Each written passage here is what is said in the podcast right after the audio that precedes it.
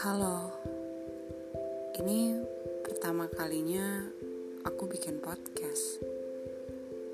Awalnya sih gara-gara aku pernah ngedit video, terus masukin suara rekaman aku di video itu. Kata teman-temanku sih cocok lah suaranya buat pengisi podcast gitu kayak news anchor berlebihan ya. Tapi sebenarnya podcast ini lebih ke curahan hati gue sih ke depannya. Kok jadi lo gue sih?